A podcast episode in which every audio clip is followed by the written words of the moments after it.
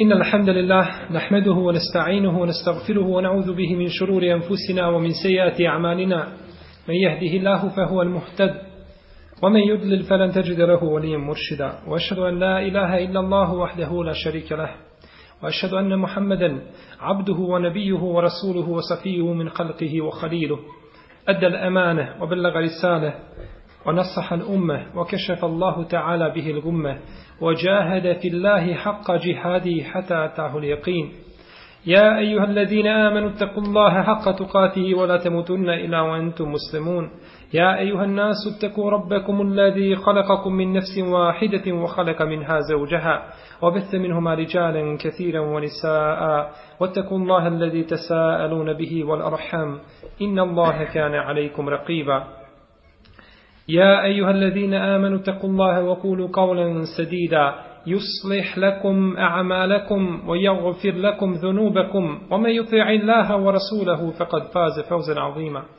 أما بعد فإن أحسن الكلام كلام الله وخل الهدي هدي محمد صلى الله عليه وسلم وشر الأمور محدثاتها وكل محدثة بدعة وكل بدعة ضلالة وكل ضلالة في النار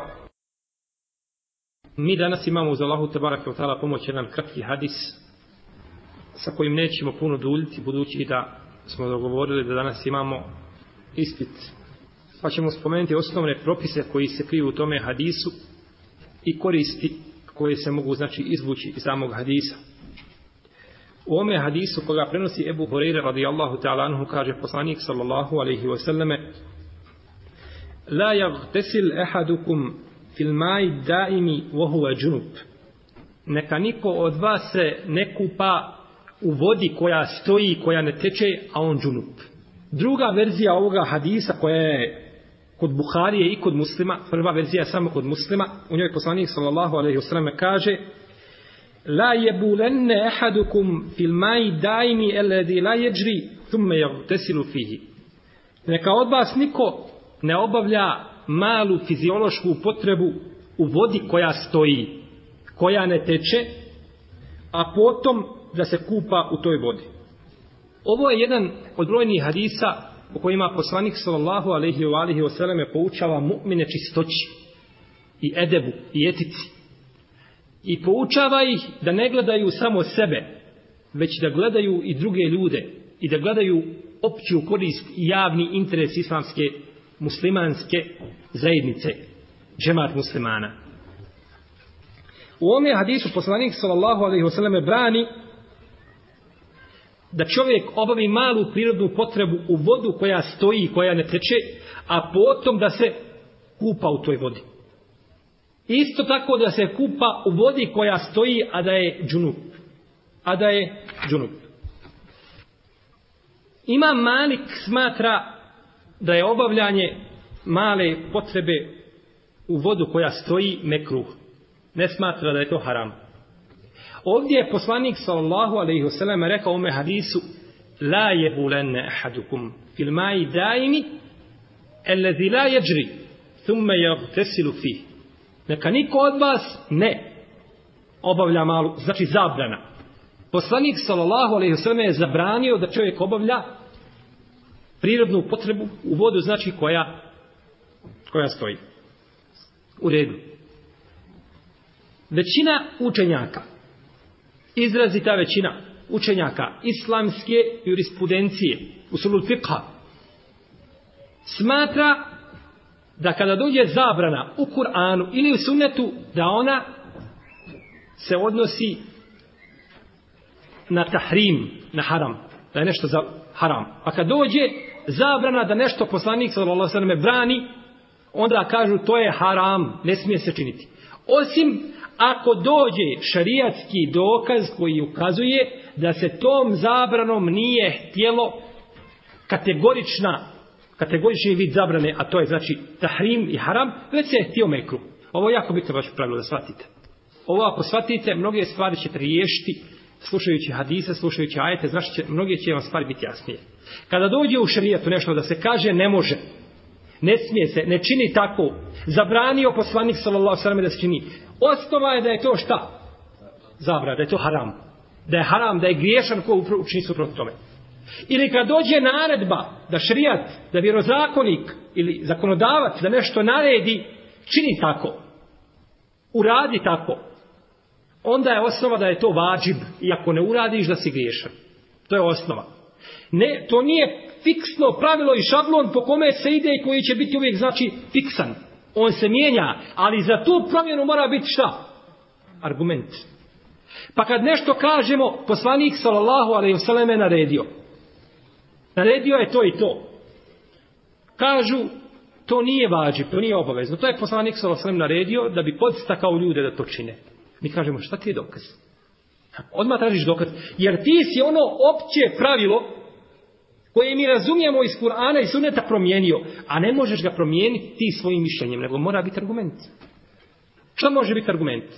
Da Allah te barak je otala nešto naredio u Kur'anu, pa da dođe drugi dokaz koji ukazuje da se tom naredbom nije htjela kategorična naredba, da je važiv, već se tio sunet mendub, može biti. Ili dođe sunet pa pojasni Kur'an, može biti. Ili dođe konsensus u Leme. Ha, U Kur'anu se nešto naređuje ili u sunnetu se nešto naređuje, ali se ulema složila da to nije vađib. To je dokaz koji ukazuje da se tom naredbom ili tom zabranom nije htjela znači ona kategorična naredba ili zabrana, jer dokaz, konsensus je dokaz u šrijetu. Kad se ulema složi, braće, to je dokaz u šrijetu. Jer mi kad dođemo u redu, kada bismo mi došli Imamo jedan hadis. I sva ulema rekla suprotno tome hadisu. Hadis je vjerodostojan.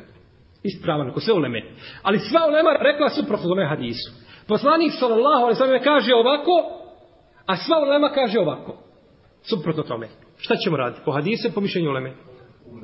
Po mišljenju uleme. Nećemo raditi po, mišljenju, po, po hadisu. Jer ulema kada se složi na nečemu, onda je nemoguće da to bude neispravno. Ali kada se složi ulema, pa dosta se puta kaže ulema se složila, nije. Nađete od celepa i od prve generacije brojne učenjake koji su kazali suprotno tome. Pa to nije ispravno, nije validno.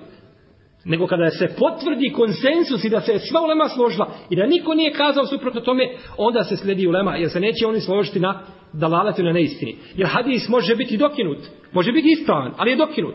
Pa zato mi nećemo raditi po svakom hadisku koji je kod Buharije. Može biti hadis kod Buharije kod muslima nije dokinut, je tako? pa nećemo rad po njemu.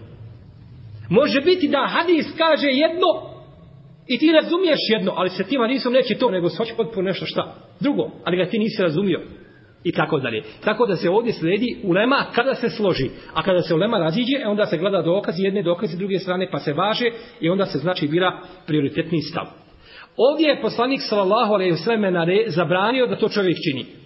Ima Malik kaže to je mekruh. Znači ima Malik i odmah tu zabranu sa većeg i višeg stepena spustio gdje? Na, na niži. Smatrajući, zašto? Da voda se neće onečistiti osim kada promijeni jedno od tri svojstva. Voda kada promijeni jedno od tri svojstva, biva nečista. Kada promijeni, voda kada promijeni svoj okus, miris ili boju, biva nečista. Je to ispravno pravilo? Nije. To nije ispravno pravilo. Ono je ispravno, ali nismo ga ispravno kazali. Trebamo kazati, voda kada promijeni boju, miris ili okus zbog nečistoće koja je upala u vodu, tada biva nečista. To je jako bitno. Neko kaže promijeni, taj, uzmete malo vode i stavite u nju malo zemlje i promijeni boju. Je nečista? Nije nečista. Može da se piti? Može da se piti. Nije nečista. Nije nečista. Može li čovjek abdest sa njom? Može abdest sa njom, ne smeta. Ali je promijenila boju. Ali kada promijeni boju, ili miris, ili okus, zbog nečistoće koja je upala u tu vodu, e tada voda biva nečista. Tada voda znači biva nečista. Ovaj hadis, ovdje se navodi, ovdje smislu navodi jedan hadis, koga bilježi imam El Bejhepi u svome sunanu El Kubra, u kome se kaže da je poslanik sallallahu alejhi ve sellem rekao Kada voda promijeni jedno od tri svojstva, jeli, zbog nečistoće koja upade u nju, voda je nečista. No, uđitim, taj hadis je dajiv. Nije ispravan. Ali sva je ulema složna da se radi po tome hadisu. Vidite opet jedne mudrosti. Hadis dajiv. Ali sva ulema kaže radit će se po hadisu zbog ispravnog značenja hadisa. Dobro. Možemo li onda na osnovu toga kazati da je hadis ispravan? Možemo li ne možemo? Evo, želimo kazati da možemo. Znači, ulema se različila. I vi se različila. Ne možemo kazati da je hadis ispravan. Ne možemo kazati. Hadis je daif. Hadis ostaje slab. Ali je značenje šta? Ispravno. Jer mi ne smijemo, jer mi možemo doći sutra do nekog novog otkrića, do neke nove spoznaje, do nečega, i onda šta? I onda da moramo poreći riječ poslanika sa vlasom. A to ne može biti. Mi kažemo, značenje hadisa je ispravno i ulema radi po njemu, ali hadis slab. Ali hadis slab. U jednoj predaji se kod imama Ahmeda kaže, a potom kaže da se abdesti iz te vode. Da obavi, znači, potrebu prirodnu, a potom da se abdesti iz te vode. Ovdje kaže poslanik sallallahu alejhi ve sellem u ovom hadisu neka niko ne obavlja a, malu prirodnu potrebu u vodi koja stoji el ma'u da'im mirna voda stajača alladhina hum fi salatihim daimun koji su u svome namazu daimun koji su mirni kao mi reći kao voda stajaća nikoga se ne pomjeri to je jedno tumačenje ovoga ajta koja ne teče voda koja stoji vodu koja stoji a ne teče pa je ovo a ne teče pojašnjenje vode šta koja koja stoji znači pa nije dozvoljeno da u takvu vodu čovjek obavi znači prirodnu potrebu. Ova zabrana će biti kudi kamo veća ukoliko količina vode biva manja. Što god se smanjiva voda i količina vode, ta zabrana biva veća. Jer to utječe na a, brzu promjenu vode i njene znači ispravnosti da bude čista ili čisteća. Dok recimo, mors, dobro, morska voda je stojeća. Šta je sa morskom vodom? Po ovome hadisu zabranjava šta? I u morsku vodu učiniti znači fiziološku potrebu, potom da čovjek, ili da to čovjek općinite učini, ili da se kupa on džurup. No, međutim, to nije tako sa morskom vodom, jer je ulema složna da to ne vrijedi za morsku vodu zbog njene količine i njene obimnosti. Znači, to ne vrijedi za morsku vodu. Dobro, kad bi bila rijeka tekuća, je li dozvoljeno to učiniti? Poslanik sallallahu alejhi ve je rekao u hadisu: "Stajaću u vodu." Znači u rijeku šta? Možemo to učiniti. Jer iz hadisa se razumije jedno, Jer braćo, kada u šarijatu dođe opis nečega, zabranjuje se nešto i njegov opis. E onda se misli samo to. Samo to. Ali opet ne u svim slučajima. Opet imaju stvari koje, na primjer, Allah tabarak je otala kaže i zabranjuju vam se vaše e, kćerke vaših žena, vaše pastorke, koje su odrasle u vašem okrilju u vašoj kući, odrasle. Dobro, a ako je žena imala pastorku, a nije odrasla kod tebe, jel možeš joj ženiti? Na kao ulema rekao možeš. Ženi. Ona nije kaže odrasla kod tebe, a Allah te barak tala brani one koji su odrasli kod tebe. No međutim, većina islamskih učenjaka, mufesira i fakriha brane da čovjek općenito oženi svoju pastorku. Bila da je odrasla sa njim u kući njegovoj i sa tom njegovom ženom, njenom majkom ili ne, bez obzira njemu je zabranjeno znači da je ženi. To opet imaju posebna pravila, ali ovdje kažemo, iz ovoga hadisa se može zaključiti da je zabranjeno samo da se obavlja to u stajaću vodu. Zašto? Zato što je stajaća voda ta koja ne ide. Nema kod nje da ona ide i da se svojim koritom čisti i da se ponekad ostranjivaju te nečistoće i tako da, nego jednostavno uvijek je stajaća i uvijek se primijeti to. Nema priliva nove vode jezero jedno stoji uvijek ili manja količina vode bunar jedan, nema priliva nove vode, onda ostaje znači, znači ta nečistoća. Dok voda koja teče, ona ima taj, znači, taj proces samo prečišćavanja i dolazi uvijek novi priliv vode i povećava se obim vode i ona odlazi i tako znači neće ostati voda neće ostati voda nečistom. No međutim, kažu islamski učenjaci da je to bolje čovjeku da ne čini. To je preće i bolje da ne čini. No međutim, ako bi učinio, bili bio griješan po hadisu, Ne bi. Ne bi bio griješan, znači pomije hadisu zbog toga što je to učinio. Neki islamski učenjaci kažu da je činjenje a, e, fiziološke, male fiziološke potrebe u vodu koja stoji po noći još veći grije po noći. Znate zbog čega? Zato što kažu da se džini noći kupaju po vodi koja stoji. Da je džini uvečer koriste. Ljudi po danu, a džini uvečer. Pa kažu zato što je džini koriste, tada biva ovaj još veća zabrana. Jer tada, tada je šteti i svoje braći džinima. No međutim, za ovo mišljenje nema argumenta. Nema dokaza, niko nije naveo argumenta da to džini koriste po noći, a ovo je stvari gajba koje se ne mogu pričati osim po šerijatskom, znači dokazu i po šerijatskom argumentu. Dobro, Ovdje se u hadisu navodi da je zabranjeno čovjeku da učini malu prirodnu fiziološku potrebu u vodu koja stoji. A šta je sa velikom? Još veća zabrana. Dobro, u hadisu to nije spomenuto. Onda je za veliku prečije da bude zabranjeno. Tako je, tako gleda većina islamskih učenjaka. I većina islamskih učenjaka smatruje da je to zabranjeno isto tako. Da je zabranjeno znači učiniti veliku prirodnu potrebu, jer je to još veća nečistoća i još više, znači, čini tu vodu da je nečista. Dobro. Ako bi čovjek obavio malu ili veliku prirodnu potrebu blizu stajaće vode, blizu, u blizini, metar, dva, tri od obale. Je li to ulazi isto ovaj hadis? Ne ulazi. Kada bi ulazilo u hadis? Ma rajukum dame fadbukum. Šta si rekao? Kad bi voda prilijevala, odlično. Još kada, češće biva. Primojovsk, to je isto. E, to je. Ako bi bila, znači, nizbrnica, pa da čovjek oboji malu pridnu potrebu, pa to opet siđe u vodu. Isto je. Isto je. Ili kada bi čovjek obavio prirodnu potrebu, a pada jaka kiša i pljusak, veliku pa zna da će to odjeti u vodu, da će onečistiti vodu, opet biva ista zabrana. Jer ovdje je zabran došao zbog čega? Da se ne, ne unečisti ta voda. A svim ovim postupcima bi se dovelo do onečišćenja, znači te vode. Pa to sve biva, pa to sve biva zabranjeno.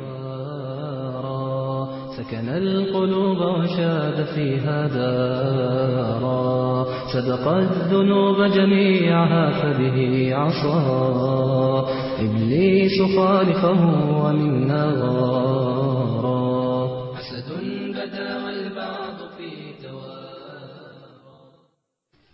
Ovdje se islamski učenjaci spore kolika je količina vode koja se može zagaditi, koja se ne može zagaditi. Veliki je spor među islamskim učenjacima, kada će biti zagađena i tako dalje. I imaju znači brojna mišljenja u koja mi nećemo ulaziti jer a, razilaženja su velika po tom pitanju među islamskim, među islamskim učenjacima.